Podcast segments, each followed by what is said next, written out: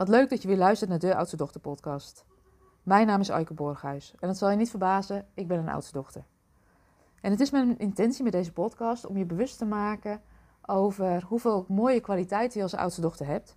En soms ook valkuilen, zodat je vanuit die bewustwording ook keuzes kan gaan maken die goed zijn voor jou. Zodat je eigenlijk het leven leeft en werkt op een manier die bij jou past. Dat je eigen plek en ruimte inneemt. En in deze podcast wil ik je graag meenemen naar gisteravond. Het is hier geen hotel. En voor ja, ouders die al pubers hebben, um, of die fase al doorbij, voorbij zijn, die zullen dit wel herkennen. Dat je soms denkt, het is hier geen hotel. Daar ging ook de theatervoorstelling over. Ik kreeg een tijd geleden van een vriendin de vraag, ga je mee? En zo zaten we gisteren met een hele club meiden, want zo lang gaan we al terug in de Deventer Schouwburg. En het is hier geen hotel, het is een theatervoorstelling met herkenbare, humoristische en soms ook gênante voorbeelden over het leven met en het overleven uh, van pubers. En het is een voorstelling voor iedereen die een puber in huis heeft of zelf ooit een puber is geweest. En ik denk dat we het allemaal wel herkennen, van jezelf of van je kinderen. Het gesmijt met deuren. Het hopeloos bank hangen. De lege verpakkingen in de kelder en de koelkast, maar ook in die bureaus op die slaapkamers. En in deze voorstelling laten de cabaretières Elle Dikker, Hanneke Drent en Diane Lieske zien wat er gebeurt als pubers jouw huis als een hotel beschouwen. En waarom het dan ook in een permanent staat van chaos verkeert. Dus dat ligt niet aan jou. En ook al worden we soms knettergek van die pubers, we houden toch van ze. En kunnen meestal ja, toch hard en met en om ze lachen. En zij om ons. En dat is wat deze voorstelling ook weer bracht. Herkenning en confrontatie. Ik heb echt anderhalf uur dubbel gelegen van het lachen. Dus het was echt een aanrader. En als ik kijk naar de fase waarin we nu zitten, onze meiden zijn 17 en 15, dan uh, vond ik die overgang van de basisschool naar de middelbare school best een ding. Waar je eerst nog grip hebt op de wereld van je kinderen, speelt hij zich nu steeds meer buiten je gezichtsveld af. En dat betekent dan eigenlijk loslaten en tegelijkertijd ook dichtbij blijven.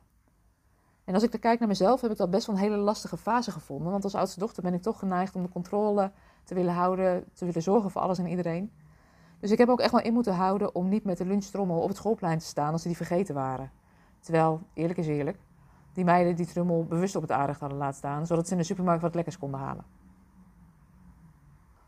Of ook die periode dat onze oudste dochter s ochtends echt niet uit bed te branden was. En dat ik haar maar wakker bleef maken om haar op tijd op school te krijgen. Omdat ik bang was dat ze anders te laat was. En dat iedere keer ook weer strijd opleverde. En eigenlijk op het moment dat ik daarmee ben gestopt, uh, had het tot de consequentie dat ze zelf twee keer te laat was. En ze zich eerder moest melden. Maar sinds die tijd heeft ze zich eigenlijk nooit meer verslapen. En dat scheelt een boel gedoe en een boel strijd in huis. Naar mijn man en ik, wij kennen elkaar al vanaf dat ik 15 ben en hij 19. En we kregen verkering toen ik 18 was. Maar hij kwam dus al bij ons thuis vroeger over de vloer toen ik nog een tiener was. Dus hij kent me ook nog uit die periode. En dan heb ik gelukkig een man die tieners goed begrijpt. En ik heb al echt heel regelmatig de vraag gekregen: hoor ik nu jou of hoor ik nu je moeder? Of de vraag: wat zou je zelf willen als je in de schoenen van je dochter staat? Dat zijn twee vragen die enorm helpen Ehm, met name ook om weer even terug te gaan in die tijd en hoe je zelf was. En wat je zelf prettig vond. Nu is het niet zo dat het bij ons thuis altijd roze geur en maneschijn is. En dat we geen strijd hebben met onze tieners. Um, want het kan bij ons thuis ook best knetteren af en toe.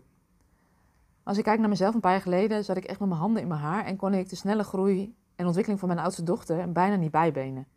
En we hebben daar toen ook wel wat hulp bij gezocht. En dat heeft thuis veel rust en praktische handvatten opgeleverd uh, want je kunt voor alles een opleiding volgen. Maar moederschap en hoe je dat invult is best een puzzel en een zoektocht.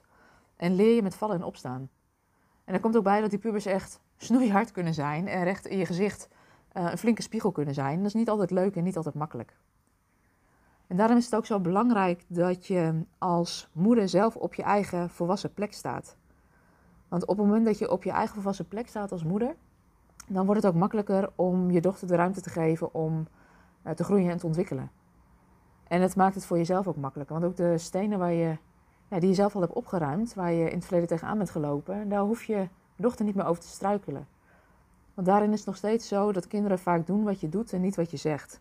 Ook al lijkt het op dit moment in deze fase het ene oor in te gaan en het andere oor uit te gaan. Een van de dingen die ik ook ben gaan doen zelf, is dat ik het woord puber ben gaan vervangen door het woord tiener. Want ik merkte dat het woord puber, dat daar altijd ook een negatieve bijklank bij zat. En ik merkte dat het woord tiener eigenlijk veel neutraler is. En dat ik veel objectiever naar mijn kinderen kan kijken. In huis wonen met tieners is niet altijd makkelijk. dat weet ik zelf van binnenuit. Uh, maar als je thuis pubers hebt, ehm, weet dan ook, je bent er zelf een geweest. En als je een keer zin hebt om een avond heerlijk te lachen, dan is ehm, de voorstelling Het is hier geen hotel echt een aanrader. Um, nou, we hebben gewoon een hele leuke avond gehad. Het leverde daarna met de meiden ook gewoon echt hele mooie gesprekken op. Uh, dus het is een aanrader. En mocht die voorstelling de komende tijd nou nog niet bij je in de buurt zijn, weet dan dat het boek Het is hier geen hotel gewoon te verkrijgen via bol.com of op de website van, uh, van de dames, het is hier geen hotel.nl. Um, ook te, ja, aan te vragen of te bestellen. En ook dat is een aanrader. Dus mocht je tieners in huis hebben, ik zie je, ik hoor je, ik weet hoe ingewikkeld het soms is. En um, nou, ik wens je in ieder geval een hele fijne dag. En uh, misschien was dit een leuke tip om een keer een ontspannen avond uit te gaan. Dankjewel voor het luisteren, een hele fijne dag en uh, tot een volgende keer. En mocht je deze podcast nou interessant vinden, dan kan je ook altijd even abonneren. Dan krijg je een nieuw berichtje als er een, uh, als er een nieuwe aflevering online staat. Um, en je kan hem natuurlijk ook delen met oudste dochters die je kent, die ook ja, dochters hebben in die tienerleeftijd. En soms ook denken dat het een hotel is.